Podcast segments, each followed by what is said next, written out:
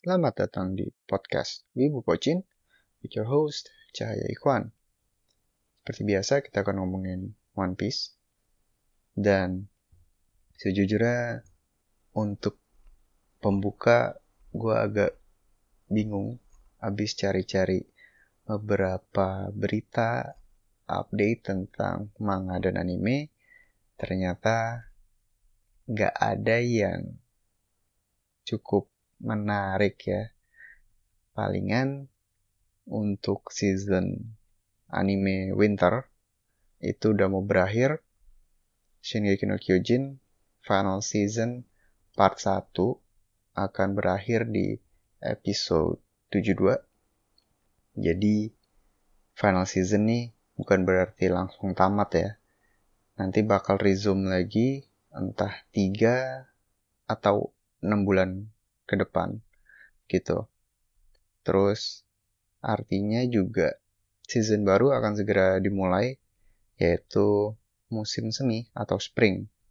Untuk highlightnya ada Boku no Hero, terus ada Tensura season baru, terus Shaman King yang kemarin udah gue sempat preview, dan ada juga serial baru dari um, Hiromashima Sensei setelah Riff Fairy Tail sekarang ada lagi yang diangkat jadi anime yaitu Eden's Zero.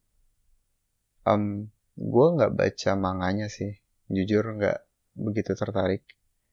Tapi nggak tahu ya kalau manganya sekarang udah jadi bagus atau enggak. Dan mungkin Nanti gue bakal bikin special episode untuk preview semua anime yang akan tayang di musim semi 2021. Dan makanya sekarang gue cuma kasih ya highlight-highlight aja lah. Ngisi waktu untuk bagian opener. Dan ya kayaknya itu doang yang bisa gue bagikan. Jadi kita langsung aja ke review One Piece.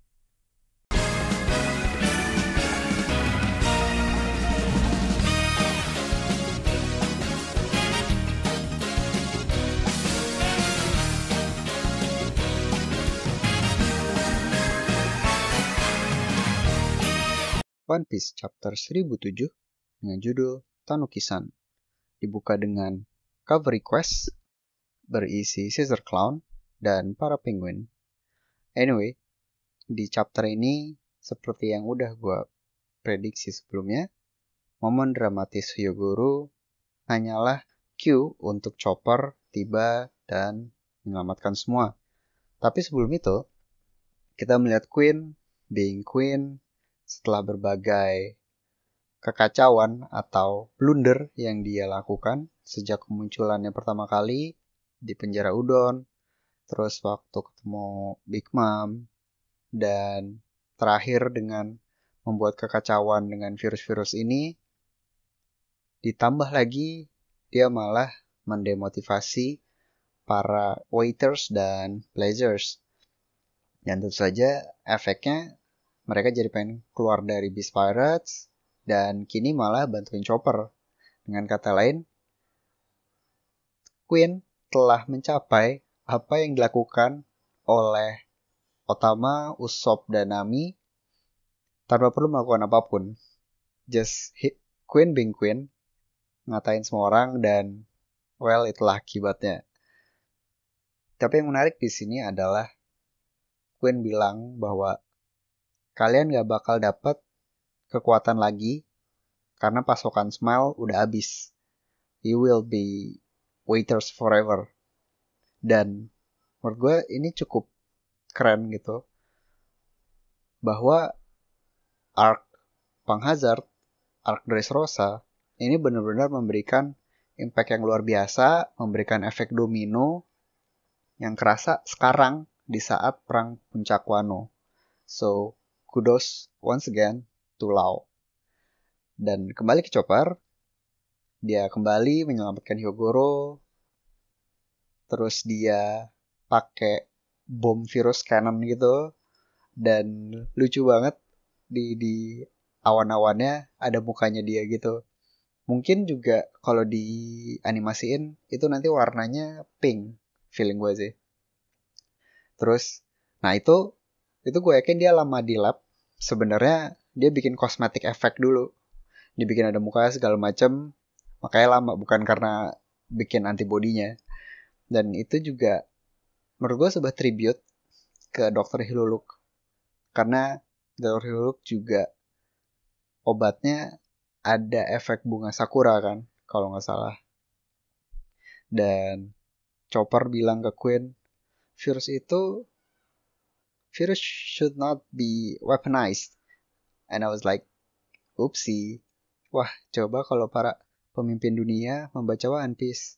But anyway ada momen yang gue nggak nyangka tiba-tiba ada momen komedik di sini dan kocak banget. Tiba-tiba Chopper jadi monster point terus nabok Queen yang abis dipegangin Marco. Jadi wajar kalau dia nggak bisa nyerang eh nyerang menghindar. Jadi langsung kena serangannya dan gue bukan Tanuki. Dan yang lebih kocak lagi reaksi ada di bawahnya sama-sama Marco sampai X Drake itu paling kocak sih. Reaksinya random banget. Eh bukan random. Kayak eh uh, se serentak gitu kan mirip-mirip semua reaksinya. Jadi kocak banget sih. Soalnya juga yang bereaksi bukan cuma temennya dia musuhnya juga sampai Marco juga. Soalnya literally Marco manggil dia Tanuki juga tepat sebelum itu terjadi gitu. Jadi kocak banget sih dan apakah ini berarti Chopper versus Queen akan terjadi jadi kalau kita lihat keadaan di hall itu sekarang lagi ada Apo, Queen, King, dan yang baru join itu Perospero. Di mana dia bagi gue masih bisa jadi wild card. Karena by default dia mestinya ada di kubu Kaido. Dan dia juga ada dendam sama Marco kan. Jadi besar gitu. Tapi gue gak heran kalau tiba-tiba dia bantuin Marco. Dan di kubu para pahlawan ada Chopper, ada Drake, sama Marco. Jadi sebenarnya by default tiga lawan tiga nih. Tapi dari level Chopper sih mestinya belum segitu. Jadi gue masih belum yakin nih. Walaupun dia join entah dia join ke Robin, Jinbei atau Frankie kayaknya nggak begitu dibutuhkan juga gitu. Jadi mungkin dia bakal stay di situ jadi support doang kali ya untuk Marco. Dan mungkin nanti ada lagi yang bantuin. Bisa jadi Sanji. Anyway, itu scene pertama. Terus dua scene berikutnya ini kayak nampak nggak nyambung, tapi sebenarnya ini kelihatan sebuah foreshadowing untuk momen dari si Momonosuke di mana kita ngelihat Momo, Yamato, dan Shinobu lagi cari tempat bersembunyi. Terus Momo kayaknya udah stres banget berbagai beban dan ekspektasi yang diberikan kepada dia. Dia udah stres dan biasanya dia emang kalau stres atau trauma atau takut bakal ke trigger buah iblisnya. Terus ya dia berubah deh tuh jadi si naga belut. Ih kata Yamato kan belut.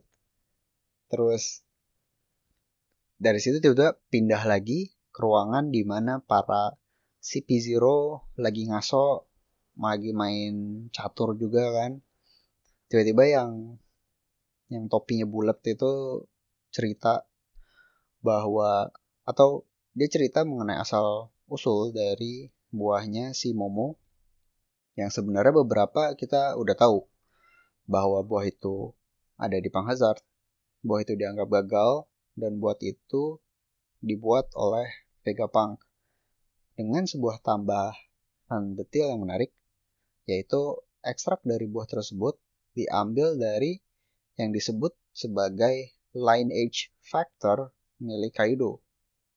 Apakah itu? Dan kalau ini dijelaskan lebih lanjut, buat gua ini bisa jadi clue yang bagus untuk kita tahu lebih banyak mengenai Vegapunk dan juga mengenai Kaido.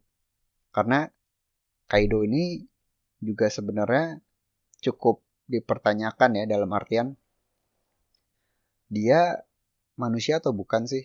Karena dia by default punya tanduk. Terus Yamato juga kan. Well to be fair, hampir semua Flying Six punya tanduk. Jadi gue nggak tahu. Tapi banyak yang berteori juga kan kalau Kaido ini bukan manusia. Malah ada yang teori dia tuh naga makan buah iblis manusia, bla bla bla. But ya untungnya gak gitu kan, karena dia buah iblis apa? Buah iblis ikan. But anyway, berarti ada sebuah cara untuk mengambil ekstrak dari buah iblis, terus bikin yang artificial, dan jadilah buahnya Momonosuke. Walaupun itu dianggap sebagai sebuah kegagalan.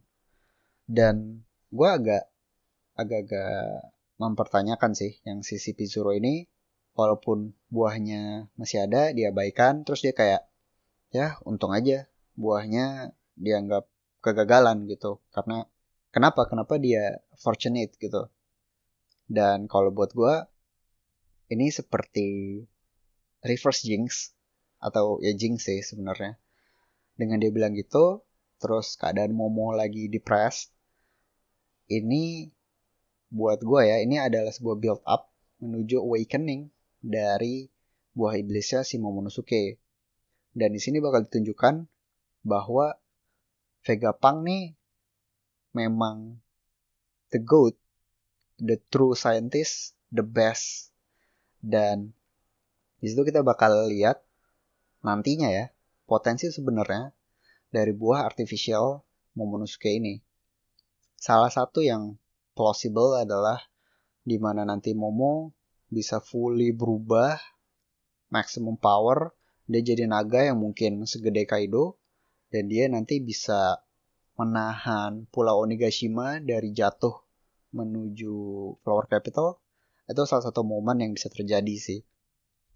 Tapi ya if anything yang bisa gue tebak dari situ ya ini adalah sebuah build up untuk momennya si Momonosuke.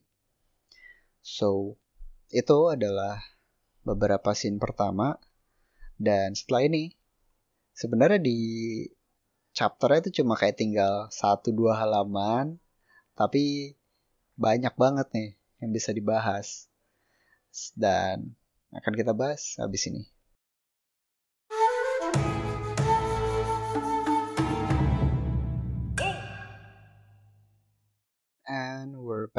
Kali ini ya masih di One Piece 1007 tentunya.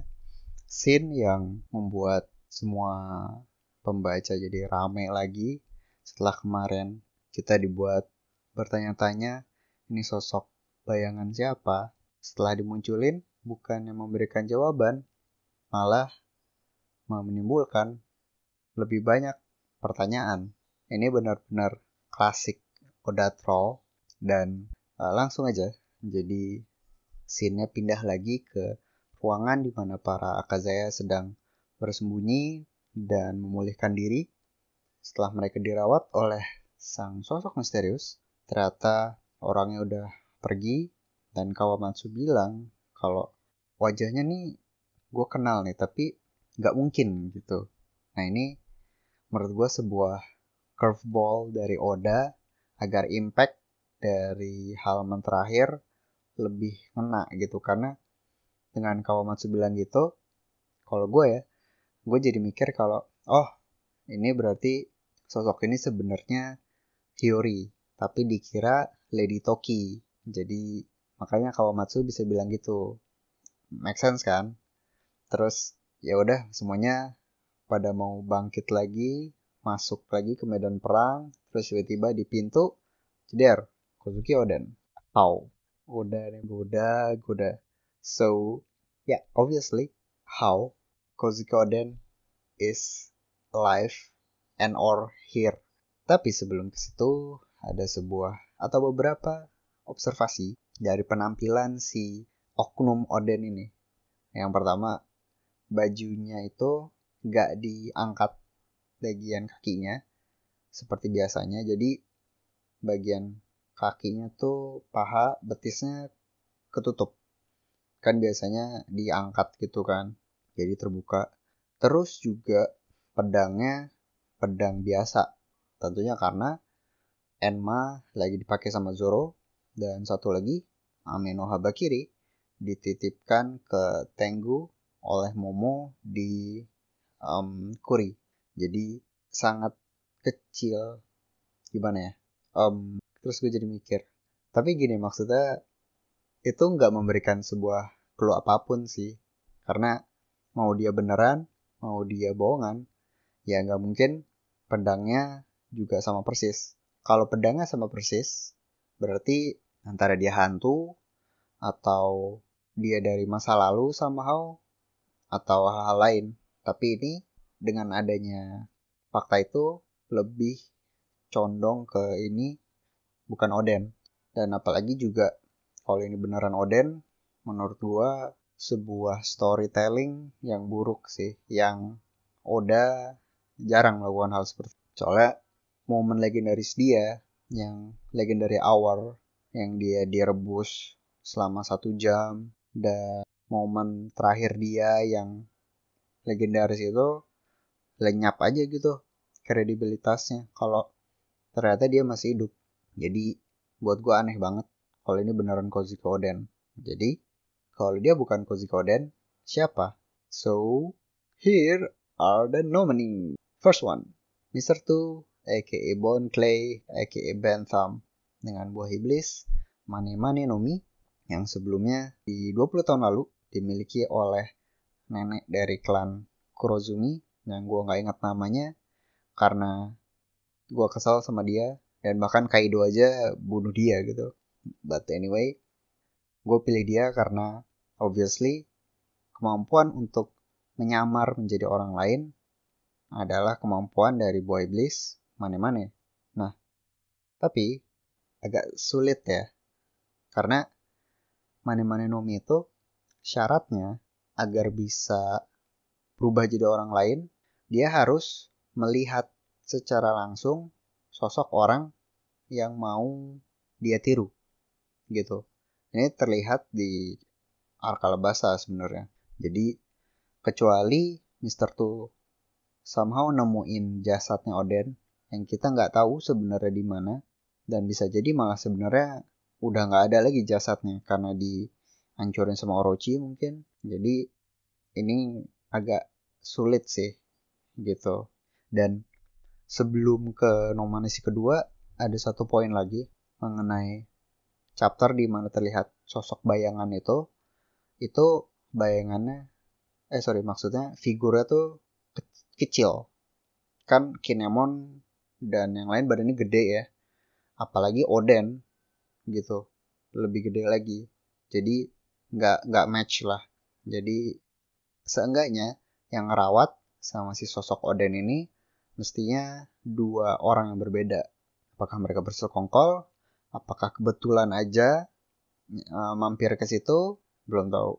Anyway, masuk ke nominasi kedua yaitu Katarina Devon, salah satu kapten dari divisi bajak laut Kurohige dengan buah iblis. Gue lupa tapi buah iblis QB atau rubah ekor 9. Jadi kita belum tahu detailnya, tapi dia punya kemampuan sama persis dengan Mr. Two, di mana dia bisa meniru orang lain dari kaki sampai kepala gitu. Tapi ini juga pilihan yang agak sulit karena kita nggak tahu Blackbird dan kelompoknya itu di mana. Tapi terakhir mereka ada di markas mereka di Beehive kan, dan itu mestinya sangat jauh dari Wano. Ditambah lagi tiga Yonko menurut gue terlalu rame sih kalau ngumpul di satu tempat semua. Sekalian aja jadiin arc, arc terakhir gitu. Walaupun bisa jadi kayak si Jesus Burgess kan dia sendiri itu yang jalan-jalan ke Dressrosa ini juga bisa tapi kalaupun dia buat apa? Maksudnya buat apa dia mengunjungi para Akazaya Nine gitu? Yang mestinya bisa bilang unknown ya toh waktu dia ketemu Oden juga cuma ada Neko, Izo sama Inu gitu. Next up, uh, nominasi ketiga yaitu Onimaru alias si rubah siluman yang menemani Kawamatsu di masa lalu buat ngumpulin pedang kan. Terus dia juga yang menghalangi Zoro menuju tempatnya Susui. Nah ini buat gua paling masuk akal karena tujuan dia berubah itu sebenarnya cuma untuk memberikan motivasi gitu. Jadi dengan ada sosok Oden, nanti mereka bisa semangat lagi uh, masuk ke medan perang terus ya udah dia balik lagi jadi rubah. Dan ini mungkin yang minta tolong adalah Hyori yang makanya ini masuk ke poin gue yang sebelumnya di mana sosok bayangannya itu agak kecil jadi si sosok yang merawat dan si sosok oknum Oden ini dua orang berbeda jadi dan mungkin Hyorinya sendiri sembunyi karena entah dia takut disuruh pulang atau dia nggak mau ngerepotin yang lain mungkin nanti malah dilindungin kan atau gimana tapi Hyori nggak mau itu, dia mau mereka fokus untuk bertarung. Jadi itu nominasi ketiga yang buat gue sejauh ini paling masuk akal. Tapi ada nominasi keempat, yaitu gambar dari Kanjuro. Seperti yang kita tahu, bahwa iblis Kanjuro dia bisa menciptakan objek apa pun selama dia bisa menggambarnya.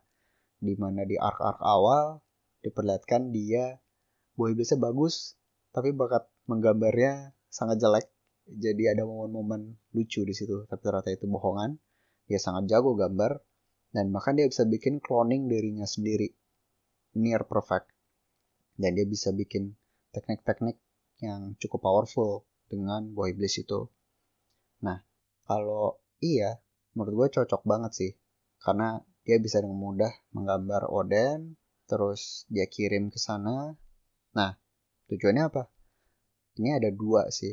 Kalau dia masih seorang pengkhianat seperti yang kita tahu, berarti dia masih ingin mengalahkan mereka.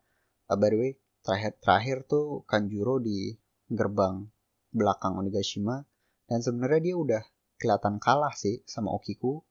Udah darah-darah ceceran, terus mukanya dia ditutupin sama topi oleh Kinemon. Dan itu mestinya implying bahwa dia telah tewas. Tapi ini yang membuat teorinya agak sulit gitu. Jadi kalau memang dia masih hidup, ini sangat mungkin. Anyway, balik lagi ke motivasi, di mana dia atau Oda ingin memberikan redemption arc.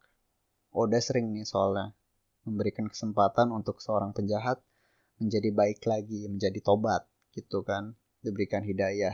Jadi itu kemungkinannya.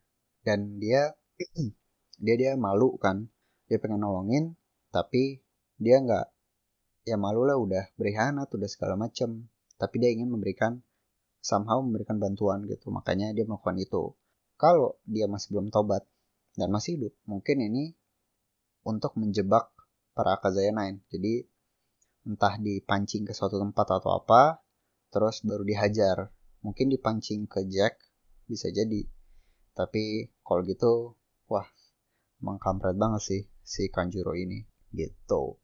So itu tadi empat nominasinya. Mungkin bonus. Ini gue random aja kepikiran. Jadi selama ini Yamato bilang kalau gue adalah Oden. Terus dia punya baju yang mirip. Dia punya apa tuh tali yang di belakang yang diikat itu mirip juga. Jadi apakah kayak aura dia terus karena para Akazenan masih setengah sadar jadi seakan-akan dikira Oden gitu cuma dalam sekejap tapi nggak ini sih nggak nggak ya nggak make sense lah um, jadi itu sejauh ini Mister Tu Katarina Devon Onimaru sang rubah dan gambar dari Kanjuro sayangnya kita tidak akan mendapatkan jawabannya dalam waktu dekat karena One Piece sedang dalam break lagi jadi chapter 1008 baru bisa dinikmati dua minggu setelah 1007. Sangat disayangkan dan ya kesel aja sih. Tapi seperti biasa kita harapkan agar Oda dapat waktu istirahat yang cukup untuk buat kelanjutan dari serial One Piece. By the way, animenya lagi lagi seru banget nih karena lagi flashbacknya Oden dan ini tuh lagi momennya Roger ketemu Whitebeard. Dan di animenya itu gue lihat bakal di extend fightnya mereka. Jadi kalau kalian udah lama nggak lihat anime One Piece menurut gue ini momen yang tepat. Dan kalau kalian gue tahu sih memang kualitas animasi One Piece agak-agak super gitu ya agak sosok lah. Tapi di Wano ini kualitasnya sangat bagus dan untuk khususnya di flashback ini itu keren banget sih. Jadi kalau kalian cuma mau nonton sebagian maka gue rekomendasikan untuk kalian melihat flashback dari Oden. And with that I think that's all for this episode. Thank you